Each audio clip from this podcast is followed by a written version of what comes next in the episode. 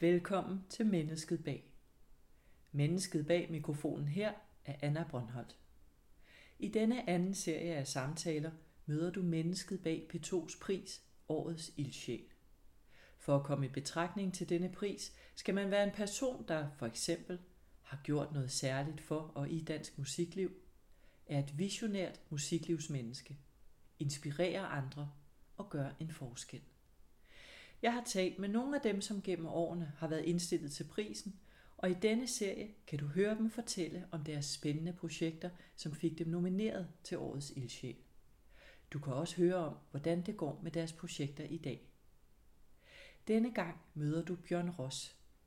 Han er kunstnerisk leder af Copenhagen Renaissance Music Festival og daglig leder af Koncertkirken på Nørrebro i København. Han blev indstillet til prisen i 2014 for sit arbejde med tidlig musik. Vi mødtes i Bjørns kontor i Koncertkirken på Blågårds Plads en dag, hvor der var masser af aktivitet i kirken forud for en forestilling. Her får du en lille fli af Bjørns tilsyneladende næsten uudtømmelige viden om den tidlige musik, og hvordan hans passion og viden udmyndter sig i forestillinger og koncerter.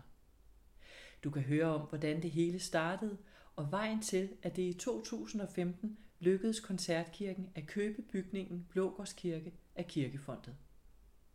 Bjørn Rosses hjerte brænder åbenlyst stadig for projekterne, og der står en festival for døren næste gang i oktober 2019. Rigtig god fornøjelse.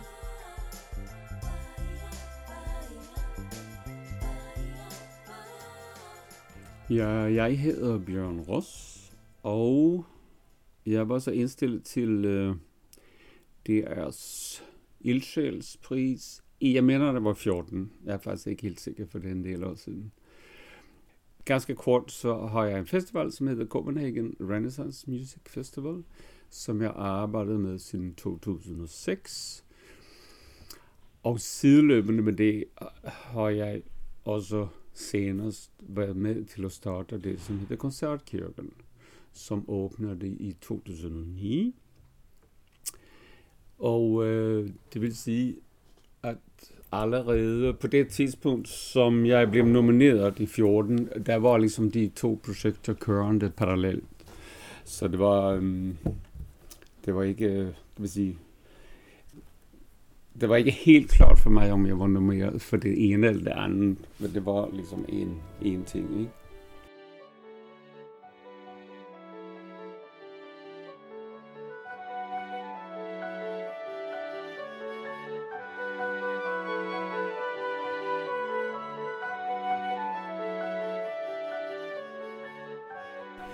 Jeg startede øh, festivalen i 6 i forbindelse med det nationale renaissancemusikår.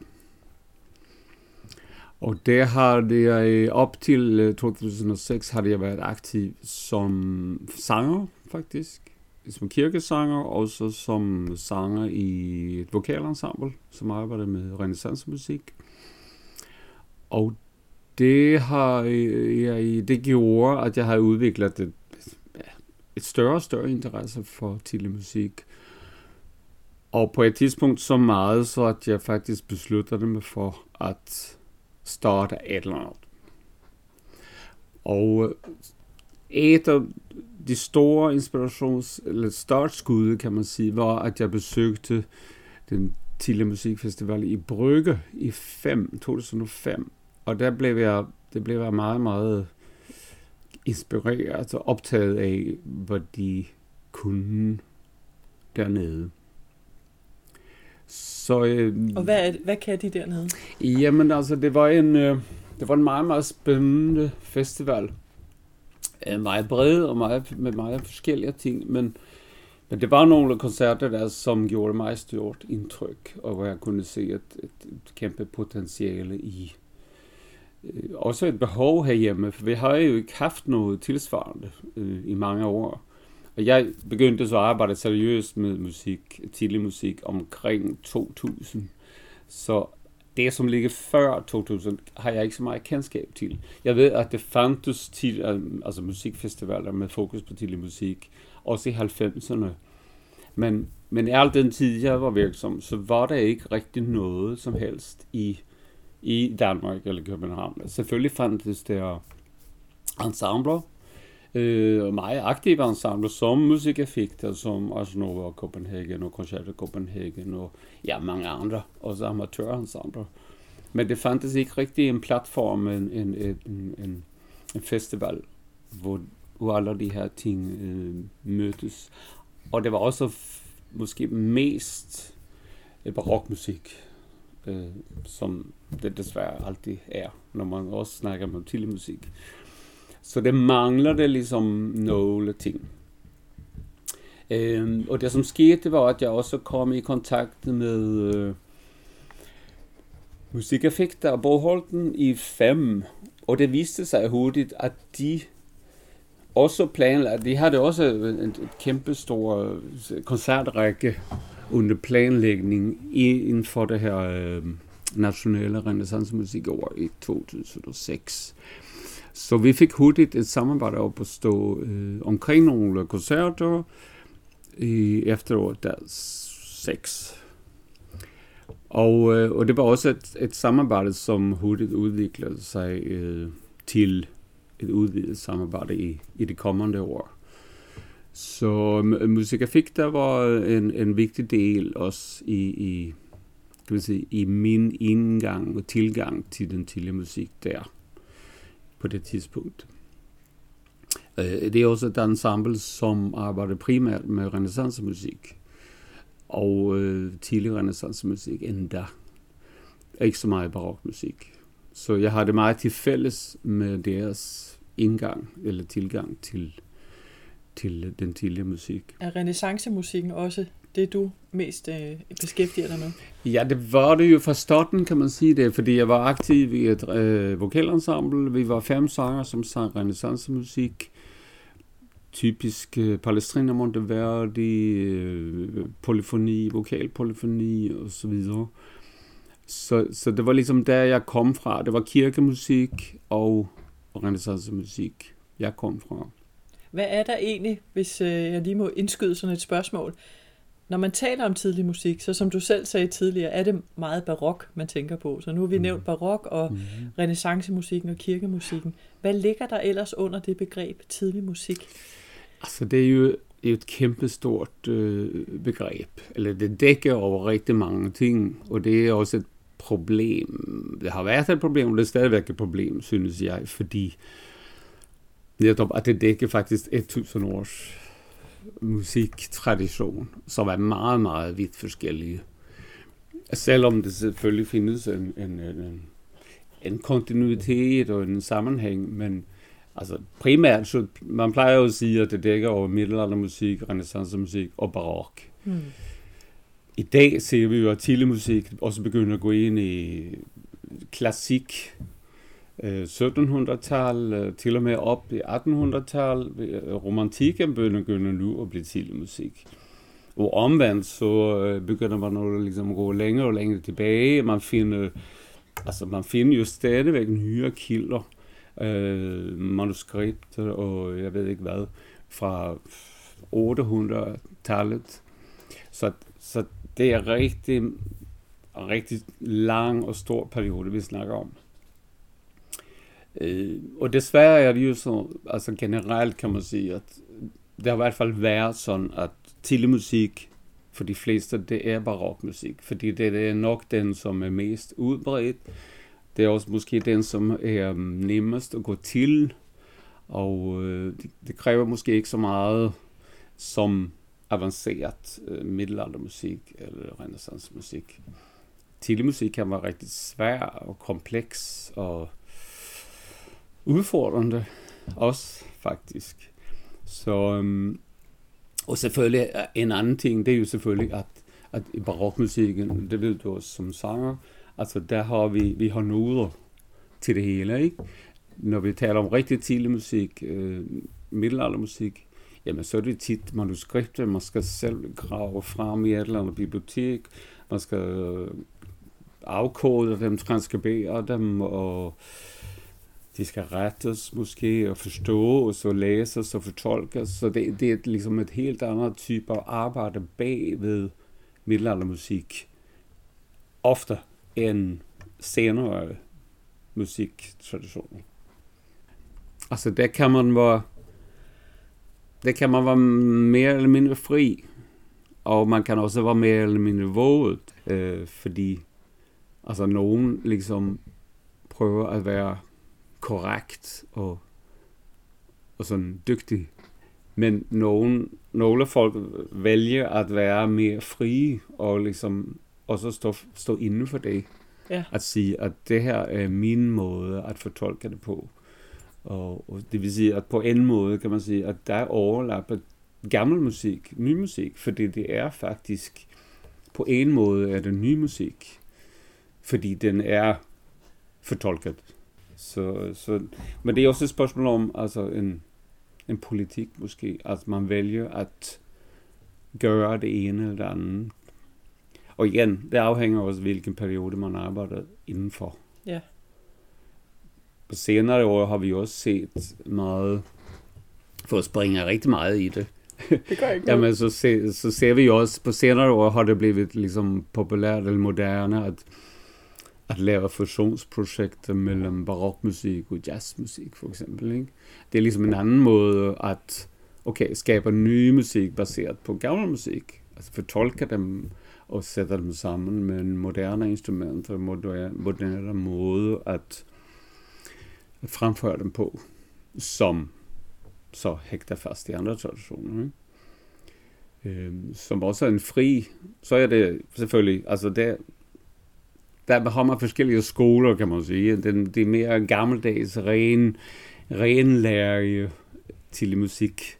Folk, de, de, øh, de elsker ofte at have de der nye tiltag og tilgang til det, ikke? For det er ligesom, det er urent. Ja. Mens øh, de andre selvfølgelig, dem som arbejder med det, de, de mener selvfølgelig det omvendte, at jamen nu er tiden inden at forholde sig helt fri til den musikalske tradition. Og ligesom at bare vælge frit og sætte det sammen på nye måder og, og lege og have det sjovt. Så det er ligesom, ja, det er, to, det er nok to forskellige synsvinkler eller punkter.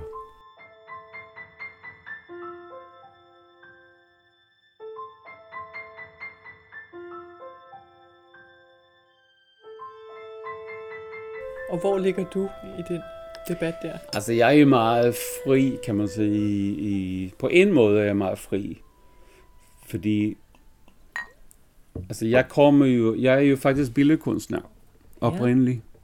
Så jeg har jo ligesom en helt anden tilgang til, til det her stof. Mm, hvilket nok gør, at jeg jeg er ikke bundet til noget som helst rigtigt. Altså jeg er meget åben. Men jeg er jo også en slags, man kan også sige, at jeg er en slags amatør. Fordi jeg gør det ikke ud af, altså det ligger ikke i min uddannelse, eller jeg er ikke udlært i noget af det her. Det er noget, jeg selv har lært mig op i, studeret og, og lyttet til, og sunget, og spillet, og gået på kurser, og lært mig at læse gamle noder, og alt det der, ikke? Og når du spiller, hvilket instrument spiller altså, du så? Altså, jeg er jo sanger også. Ja eller har været, nu er jeg stoppet med at synge, men jeg har været kirkesanger i 20 år, ja. og jeg har sunget med vokalensembler i, i 10 år. Og, og kor også, for det. jeg begyndte jo at synge kor som alle andre, og så begyndte jeg at så sang lektioner, og ligesom, så det var den vej, det begyndte. Det begyndte faktisk med korsang, og som endte med øh, kirkesangen, og så, det ved, og det ene giver det andet. Så øh, fra kirkesangen, så kom jeg i så kontakt med det her vokalensemble. Ja. Som så udviklede det sig til en festival, og så som, og sidenhen kan man sige, øh, også udviklede det sig til operaproduktioner.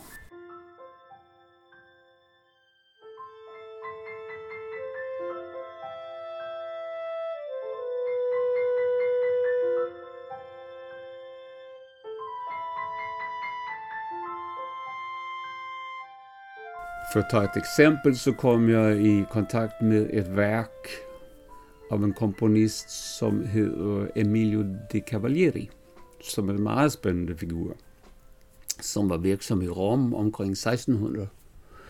Altså en historisk figur? Ja, altså en komponist. Ja. Øh, men, men det interessante med den her figur, det var, at han ikke var øh, kun komponist, han var adelsmand, han var arkitekt, han var øh, diplomat, han var det hele. Han er en typisk renaissancefigur. Men han har lavet nogle fantastiske kompositioner. Blandt andet en af de første opera, en kirkeopera, som heter Rappresentazione di Anima e di Corpo. Jeg ved ikke, om du har hørt om den. Men øh, han har blandt andet lavet en opera, så har han lavet noget kirkemusik, lamentationer, som er fantastisk smukke, og så har han som og så et, det er meget få værker tilbage af ham. Men dem, som findes, de er, de er betydende og fantastisk smukke. Og øh, et af de værker, også han er kendt for, det var, at han blev... Øh, det var et bryllup i Florence 1589. Og der blev han ansat til at skal vi sige, være en slags musikalsk øh, leder eller director for et kæmpe værk, som skulle fejre det her bryllup, som hedder La Pellegrina. Og det, det er et kæmpestort øh, teaterværk med intermedie, og en intermedie det er, er det er slags pausespektakel indimellem de forskellige teaterstykker. Så, så det vi kender i dag som La Pellegrina, det er, øh, det er en samling af musikværker, som blev opført i forbindelse med den her store fejring i øh, Florence. Og der har dels var så øh, Cavalieri, han var så ansvarlig for musikken, men han var også komponist til en del af værkerne i det her øh, store, den store samling. Så det var også en slags, det var ikke en opera, men det var et, vi ved, at det var et meget stort spektakel Altså et, et, et slags kæmpestort multimedia-show med teater og, og liksom scenografi og øh, sikkert mange, mange overraskelser. Sådan nogle ting, som folk bare, du ved, som svarer til, at pff, vi har et kæmpestort teaterselskab øh, i, i på Tivoli med kæmpestort fyrværkeri og øh, balleriner over det hele og flyvende cirkusartister og alt muligt. Så det, jeg tror, det var et kæmpe show. Men øh, tilbage til, til, øh, til det værk, som jeg blev mest optaget af, det var altså det her repræsentation af de anima de corpus, som jeg meget tidligt tog mig for at opføre. Fordi øh, det var så fantastisk godt. Øh, og det begyndte jeg at planlægge faktisk tidligt. Men det endte med, at jeg startede et netværk for tidlig, mus, øh, tidlig opera i 2007. Og øh, det endte så med, at den første produktion, vi lavede, det var ikke der repræsentation, men det var øh, Monteverdi's Orfeo. Fordi det var et andet jubilæum i syv, og det var netop opførelsen, den første opførelsen af Orfeo i 1607 i Mantova. Så det skulle vi jo fejre, og det gjorde vi så på Hofteatret i København.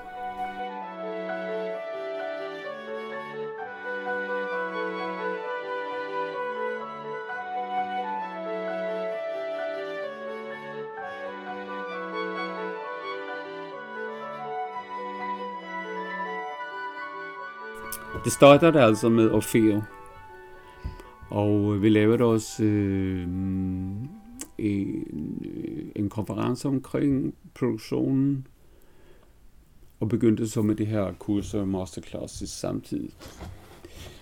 Og så, så var det sådan, at øh, repræsentationen blev så den anden produktion, ikke den første. Men det blev så opført her faktisk i Koncertkirken i 2010, som et af de første store spektakler her. Vi åbnede jo Koncertkirken i 9 oktober 9, og det her skete så et år senere her i oktober 2010. Og det var, øhm, det var rigtig spændende og meget vellykket projekt. Det var totalt low budget. Allerede der havde jeg fået kontakt med en del musikere og øh, instruktører i Italien, så jeg inviterede øh, en, en person, som jeg har samarbejdet meget med efterhånden, og som jeg har introduceret os til, til alle de skandinaviske lande. Det er en, en italiensk koreograf, danser, skuespiller og instruktør, som heter Dela Cristina Colonna. Og vi havde startet et, et, et samarbejde i 2007 allerede, for at gå tilbage, og i år der lavede vi en masterclass omkring Kachinis Euridice i forbindelse med, med festivalen. Så jeg hentede hende til København også i 10, og der var hun så instruktør på den her opera. Representazione di Anima di Corpo. Øh, hvor det var, øh, det var primært sanger her fra København, det var nogle fra Stockholm, det var en enkelt fra Italien faktisk, som kom. Og vi lavede hele produktionen på 14 dage, så det var virkelig en crash production.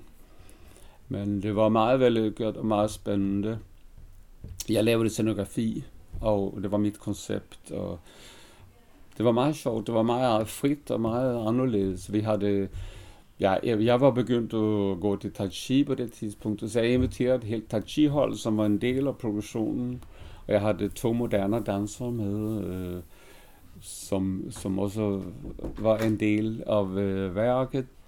Ja, så der, det, det var ligesom et, et værk, øh, hvor vi afprøvede nogle, hvor vi netop forholdt sig meget frit.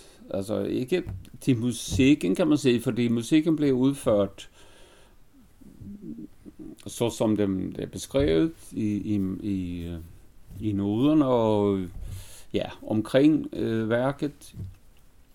For det, det interessante med, også med Cavalier, det er, at han netop er en af de første figurer, som, som begynder på nye ting øh, omkring 1600. Så øh, den her opera er komponeret i 1600. Den blev opført i, i Rom i februar 16 i forbindelse med det store jubelår 1600, som jo var en, en kæmpe fejring dengang. Det ved vi. Vi, vi ved også, hvilket, hvor det blev opført. Øh, selve bygningen eksisterer ikke mere, men jeg har været der, jeg har set pladsen. Øh, og og i hans, øh, både i hans noder og i hans tekster omkring musikken, så er det angivet meget nøjagtigt, hvordan man skal udføre ting. Altså han, han taler meget sådan specifikt om forskellige måder at udføre ornamenter på, for eksempel.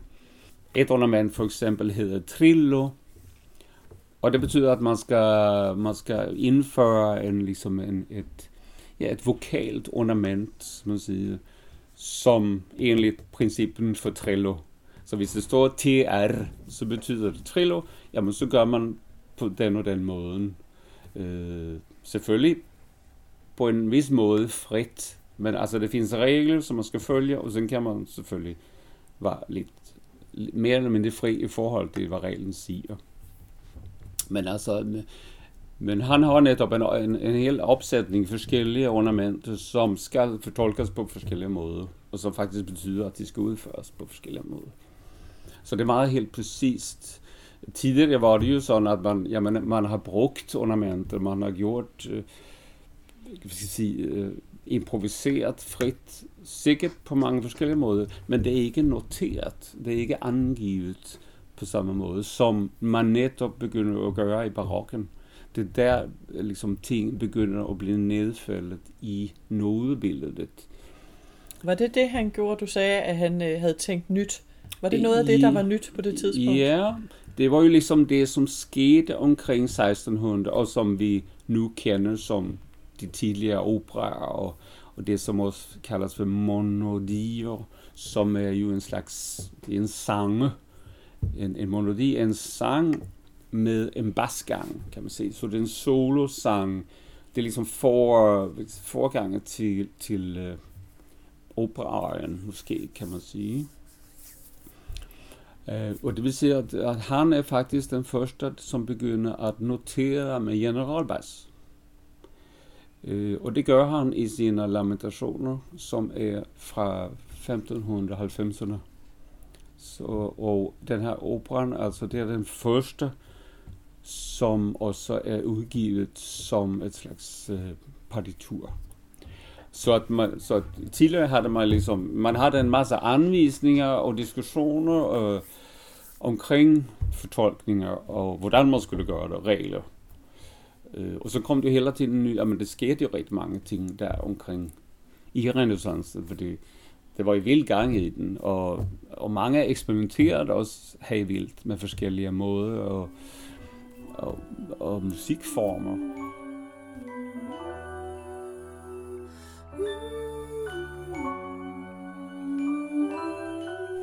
Hvis jeg så må bringe dig lidt tilbage, du var også selv ved at komme ind på det med, ja. med selve festivalen her, mm. som jo nok var den, du også blev nomineret for, ikke? øh, dit arbejde med den tidlige musik og festivalen. Hvad, hvad skete der så videre med den? Du var kommet til 2009, tror jeg. Ja, og så... Øh, den første festival var jo en meget stor festival. Øh, dels fordi jeg har det samarbejde musik, jeg fik der, og dels fordi det var meget ambitiøst lagt op fra starten. Og vi har det jubelår, renaissanceår i Danmark, og Danmarks Radio var meget op på dubberne. Øh, de, blev, de optog faktisk 10 af alle de koncerter, som jeg havde på programmet dengang. Men det var også sidste gang. Sen gik det jo ligesom ned ad bakke med Danmarks Radio, ikke? eller deres økonomi i hvert fald. Ja. Så øh, året efter, min plan var så at holde festival hvert andet år og lave en operaproduktion hvert andet år. Fordi at lave begge dele, det var måske lige at tage munden fuld øh, i overkant i, allerede fra starten. Så i syv laver de altså den her Monteverdi opera, og så i otte kom jeg tilbage til festivalen. Mm.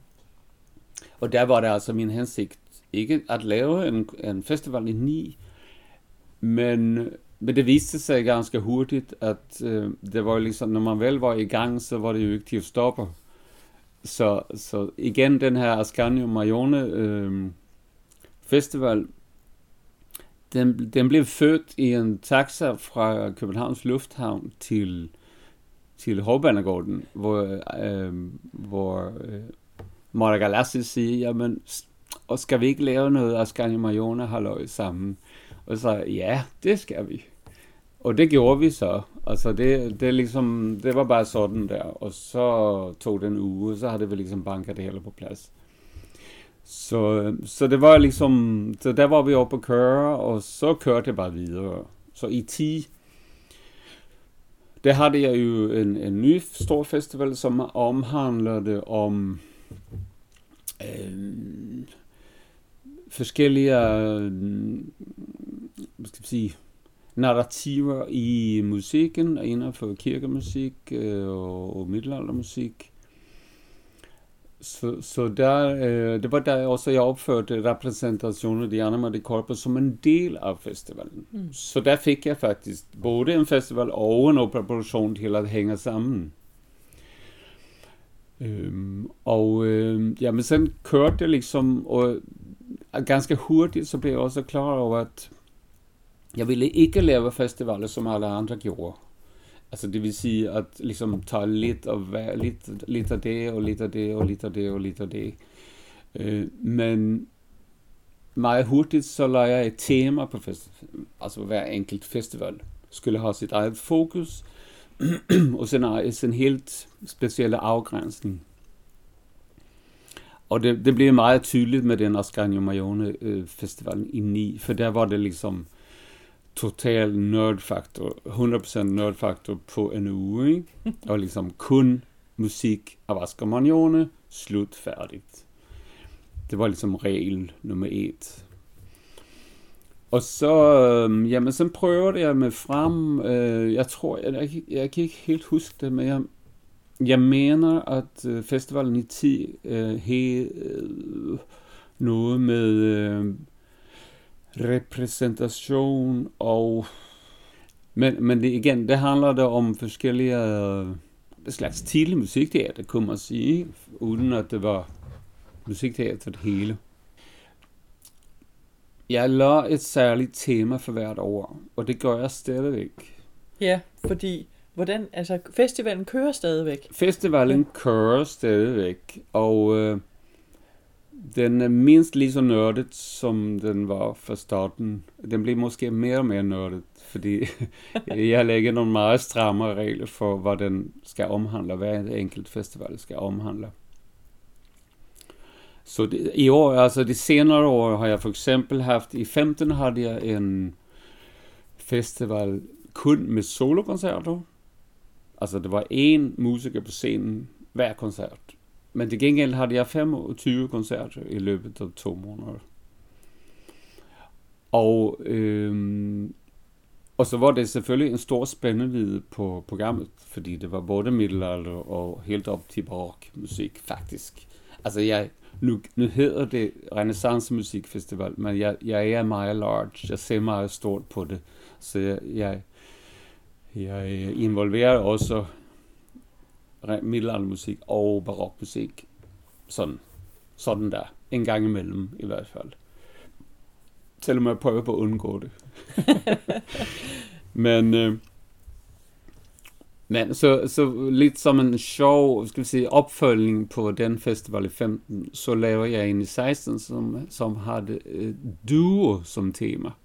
Så der var det kun to personer på scenen.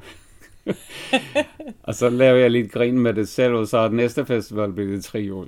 Kun tre år. Men øh, okay, der stopper det jeg, for det var så sjovt, skulle vi heller ikke have det. Sen er jeg jo ligesom nu kommet ind på Altså min seneste tiltag, det er jo at dykke ned i instrumenter, instrumentfamilier. Så sidste år havde jeg en Lut-festival. Med kun med Lut-koncerter. Ja, när man säger liksom Lut, så er det en, en, en meget snæver begrænsning på en måde. Men igen, det viser sig, altså det findes jo sindssygt meget forskelligt musik skrevet for mange forskellige instrumenter i mange forskellige perioder. Så at igen er vi tilbage, altså det er helt fra middelalder til renaissance til barok, og jeg inkluderer det også som faktisk en af de første gange, jeg har inkluderet øh, orientalsk musik. Fordi netop øh, lut, øh, instrumentet, øh, det stammer jo fra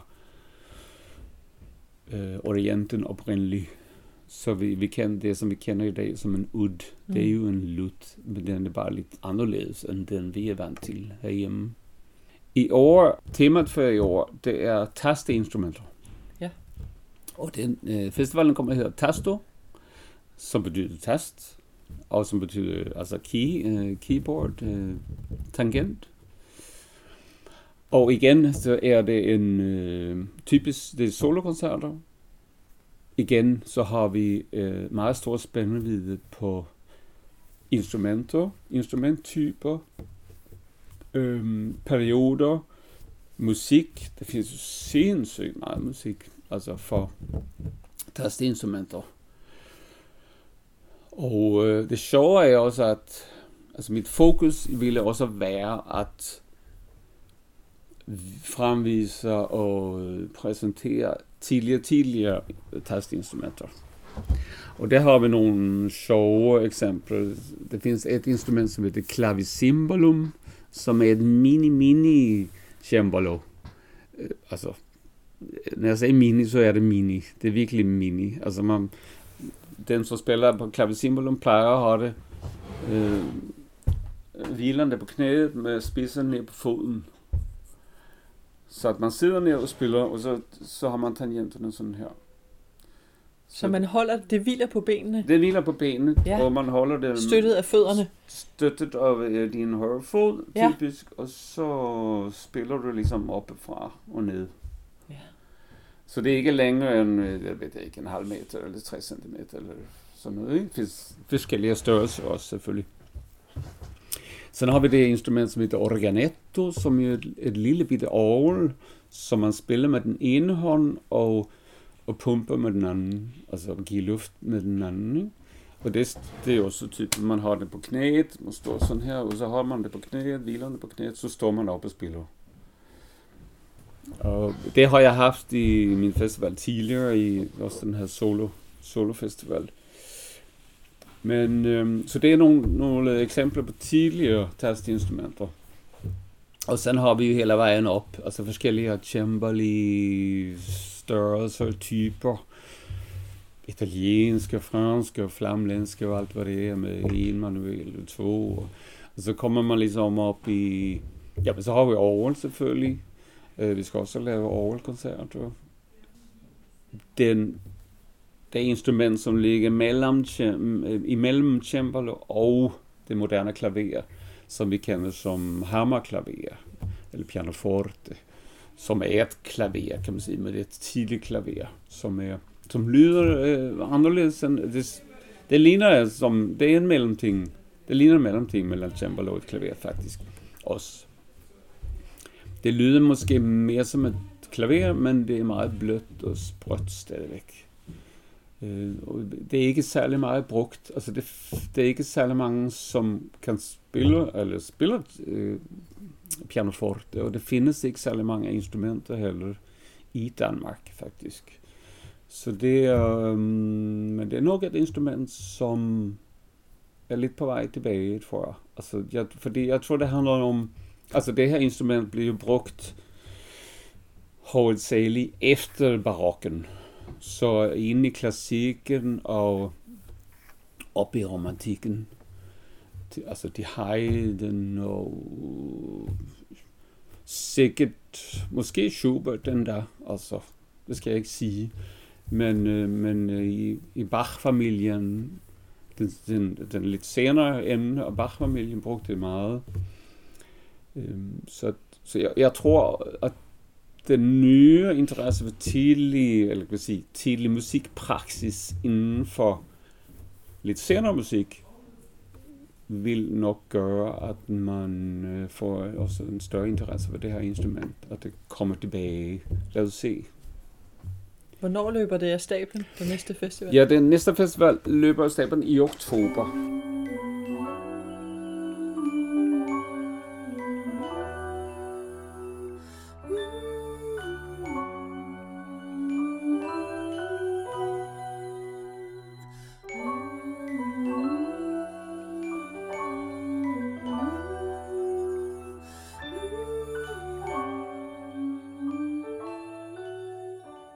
Hvordan, har du, hvordan får du økonomi til, til de her festivaler?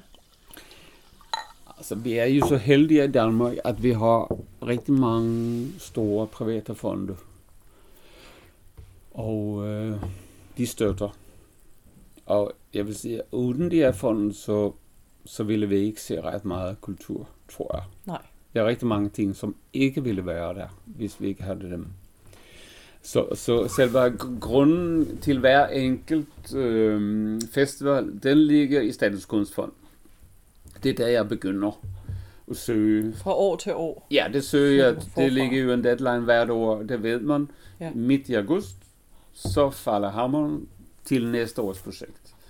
Så det vil sige, at der skal man have projektet færdigt, øh, for, færdigt formuleret. Man skal have et, et, et koncept, jeg skal have øh, artister og så videre på plads.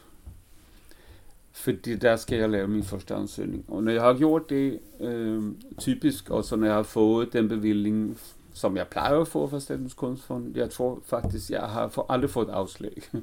men, men beløbene kan godt variere en del. Øh, så når jeg har fået tilsagn fra Statens Kunstfond, jamen så går jeg videre med med de, med de andre. Ikke? Så der ved man liksom, der lægger man bunden, kan man sige. Ja. Men øh, som sagt, altså det, øh, det er typisk en kombination mellem Statens Kunstfond og private fonde og Københavns Kommune, en, en slant også fra kommunen og, og samarbejdspartnere. Danmarks Radio plejer at være med, ikke altid. Nu har de så dårlig økonomi efterhånden. Så sidste år var de faktisk ikke med. Nej.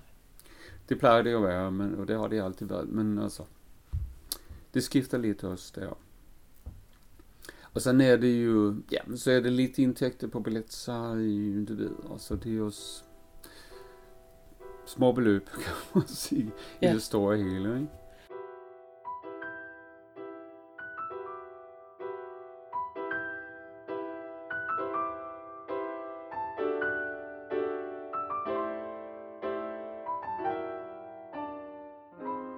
Der, hvor vi sidder og taler nu, det er i Koncertkirken på Blågårdsplads her på, på, på Nørrebro. Hvad, hvad er det for et sted, og hvad er din funktion egentlig her? Og hvordan hænger det sammen med festivalen? Ja. Ja, altså det som er sket sideløbende med min festival og det her operaproduktion og så videre, det er jo netop, at vi begyndte det her koncertkirkeprojekt i 2009, oktober. Eh, koncertkirken er eh, ska vi se, ehm, koncipierad av af Paul Opstrup, som er, er daglig leder af Litteraturhaus, eller har været det indtil nu. Øh, og, og mig. Altså, vi, jeg var med fra starten, da vi, vi, vi begyndte med det her. Og det skyldes selvfølgelig, at det var ligesom Paul, som havde fundet frem til kirken og var inde i øh, kirkens øh, kontekst på forskellige måder allerede.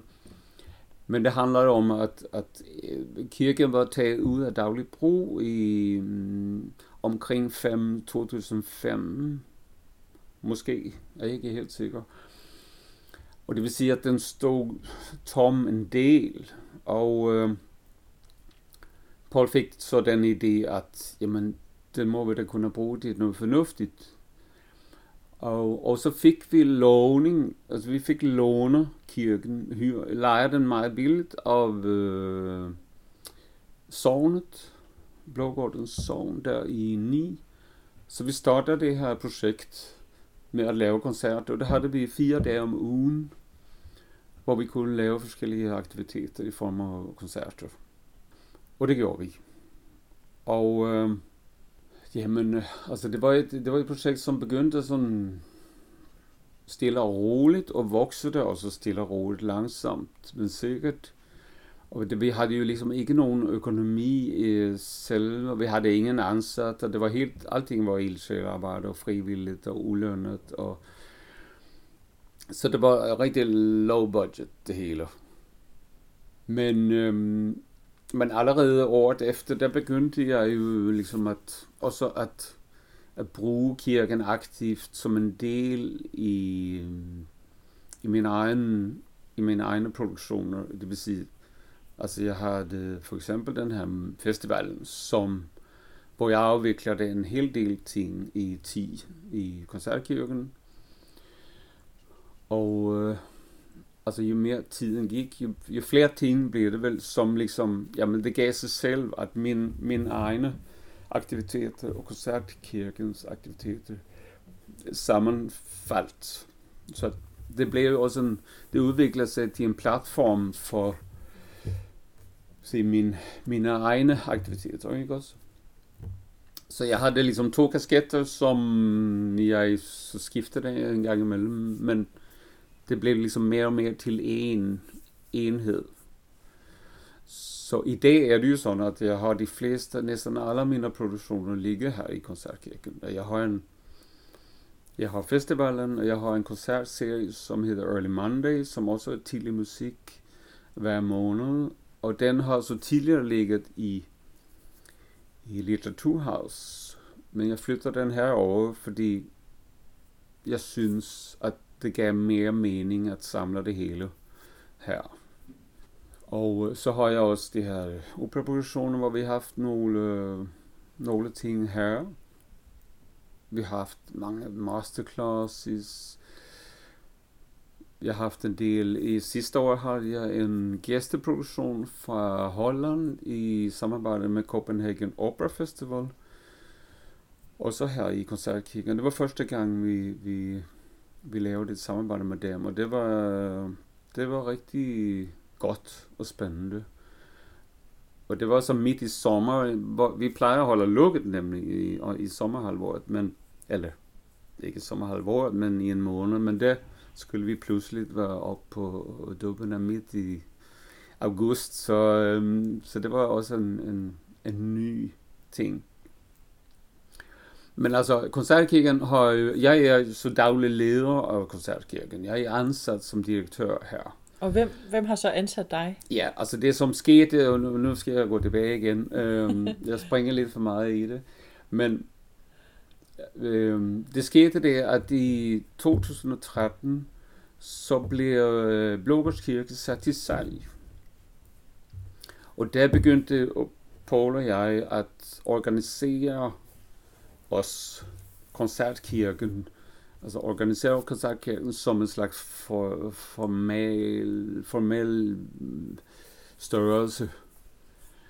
Og vi stiftede et andelsselskab med henblik på at købe kirken permanent. Så at ligesom etablere den her virksomhed, som vi allerede havde i kirken, og få den nedfældet øh, i, i bygningen som, som en permanent, med permanent kulturhus. Øh, kirken blev sat i salg, og vi bød ind, og øh, efter mange og svære forviklinger og forhandlinger og budgivninger og øh, alt muligt, så øh, endte det faktisk med, at vi kunne købe kirken to år senere. Og det var dem igen, altså det var mange forviklinger og øh, komplikationer, og det var, det viste sig, at øh, vi måtte betale rigtig mange for penge for kirken, for at overhovedet få den. Altså vi var, vi var lidt usikre, eller vi var meget usikre faktisk på, om, om vi kunne gøre det, om vi tog at gøre det, fordi vi taler om mange millioner, som vi skulle ud og det ved, hvordan det er. Det er vel heller ikke bare lige at gå ud og låne?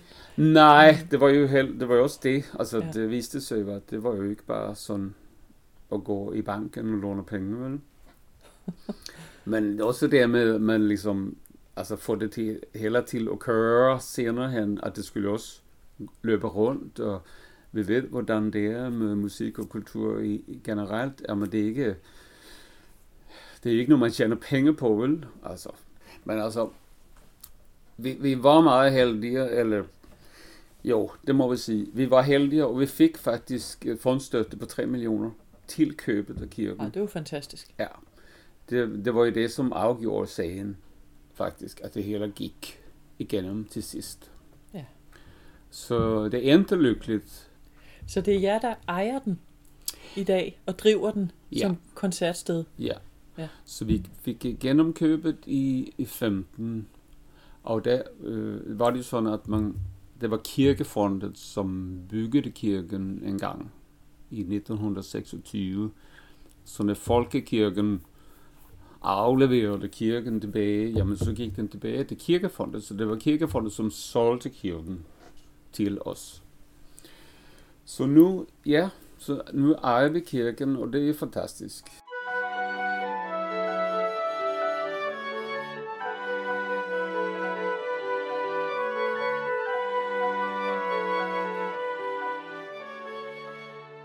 Vi er jo, altså koncertkirken er organiseret som et andelsselskab, og det vil sige, at det er en slags uh, andelsforening, kunne man sige. Vi sælger andele, og når man har købt en andel, jamen så bliver man en del af familien, formelt set. Så at man, man får stemmeret på generalforsamling, og man har, jamen man bliver en del af et fællesskab, helt klart. Altså vi, vi, vi holder ting for andelshaverne en gang imellem, og vi inviterer dem hvert år til forskellige øh, events, og øh, ja, altså selvfølgelig er det en slags primært en, en måde at støtte projektet på. Altså man kan sige, umiddelbart kan man sige, at det er tre forskellige kategorier.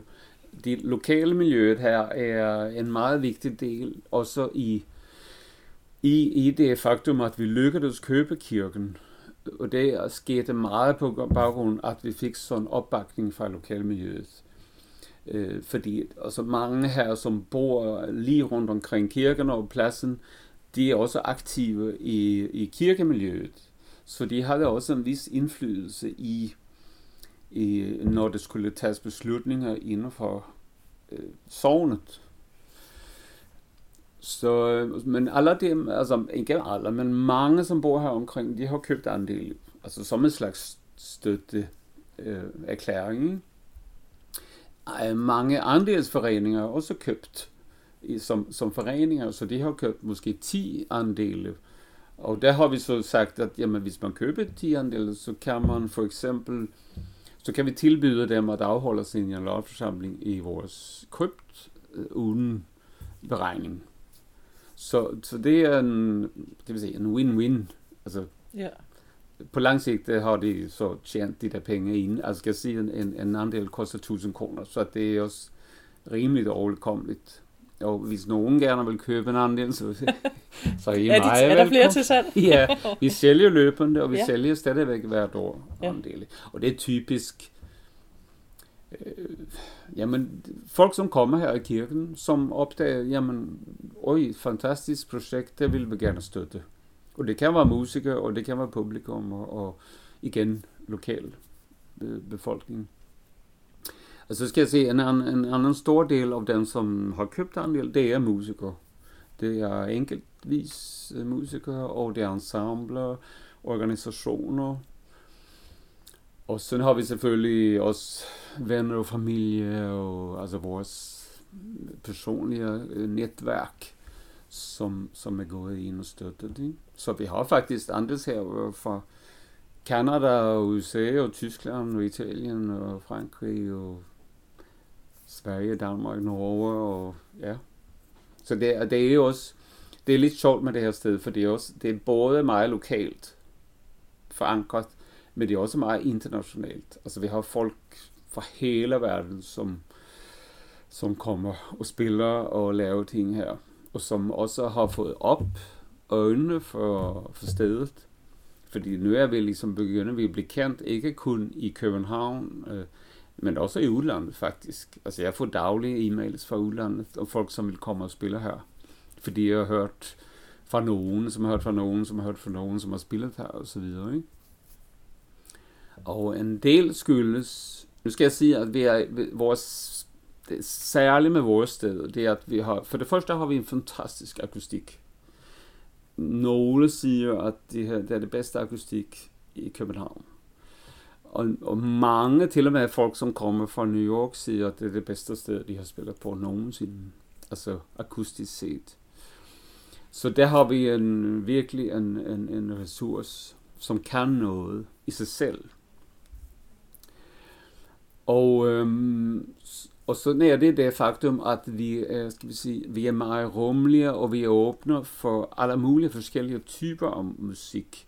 Og det er også blevet liksom en del af vores musikprofil, at vi netop lægger hus til tidlig musik ved siden af ny musik, ved siden af klassisk musik, elektronisk musik, jazz, improvisationsmusik. Pludselig kommer det et stort kor. Så, så vi, vi, vi har rigtig mange forskellige ting.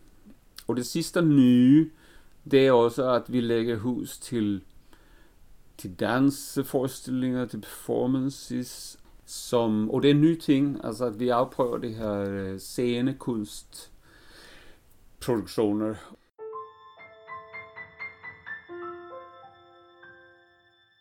Er der noget, du gerne vil have med her på falderev, du ville ærge dig over, hvis ikke var blevet sagt? Øhm, Nej, jeg synes det her med de her fonde er jo vigtigt. Altså, det har jeg jo sagt allerede. Det synes jeg er utroligt vigtigt, hvilken betydning det har. Øh, også altså, at sige tak til alle de fonde, som har postet rigtig mange penge i mig rigtig mange år. det er, det er en kæmpe hjælp, altså virkelig. Så, øhm, og så selvfølgelig også, ja, de alle personer, man arbejder sammen med, og man, okay, nu, nu bliver man sådan rørt, så skal vi sige tak, tak, tak for alt. Men altså, du ved, altså man er, um, det er jo en lille bitte festival, jeg laver det hele selv. Ja. I stort set. Altså jeg har ingen ansat, og jeg har ingen maskine bag mig, og det er ligesom en enmandsfestival, ikke? Så har jeg min partner, som hjælper mig med alt muligt.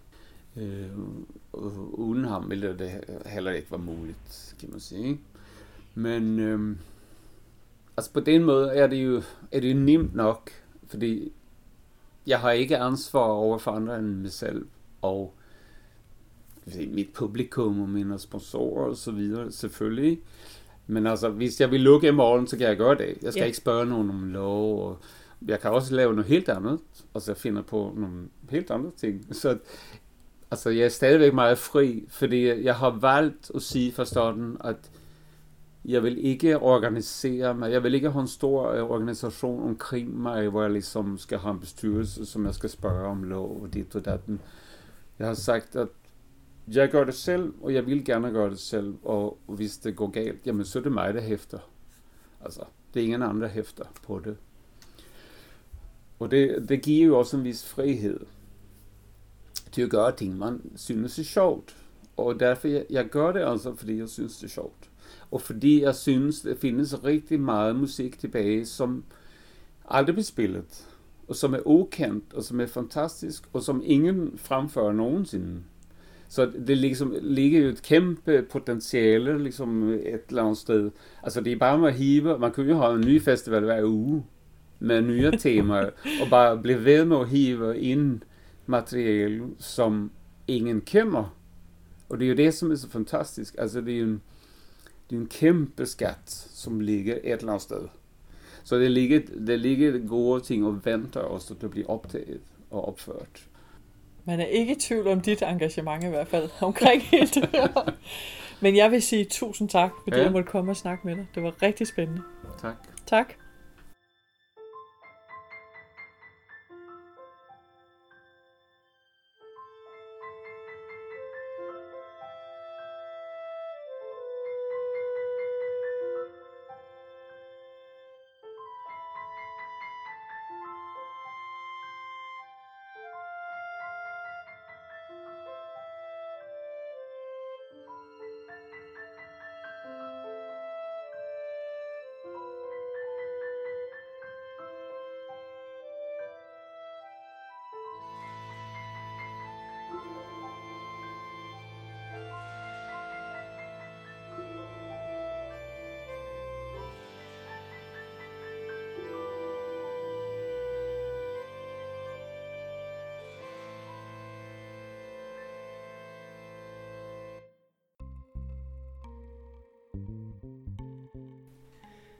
Du har lyttet til Mennesket bag ildsjælen med Bjørn Ross, nomineret til P2's pris Årets Ildsjæl i 2014 for sit arbejde med tidlig musik.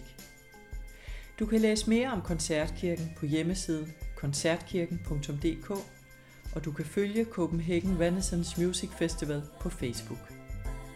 Mit navn er Anna Brøndholt, og jeg er mennesket bag mennesket bag. Musikken er komponeret og produceret af Marie Grove Jørgensen.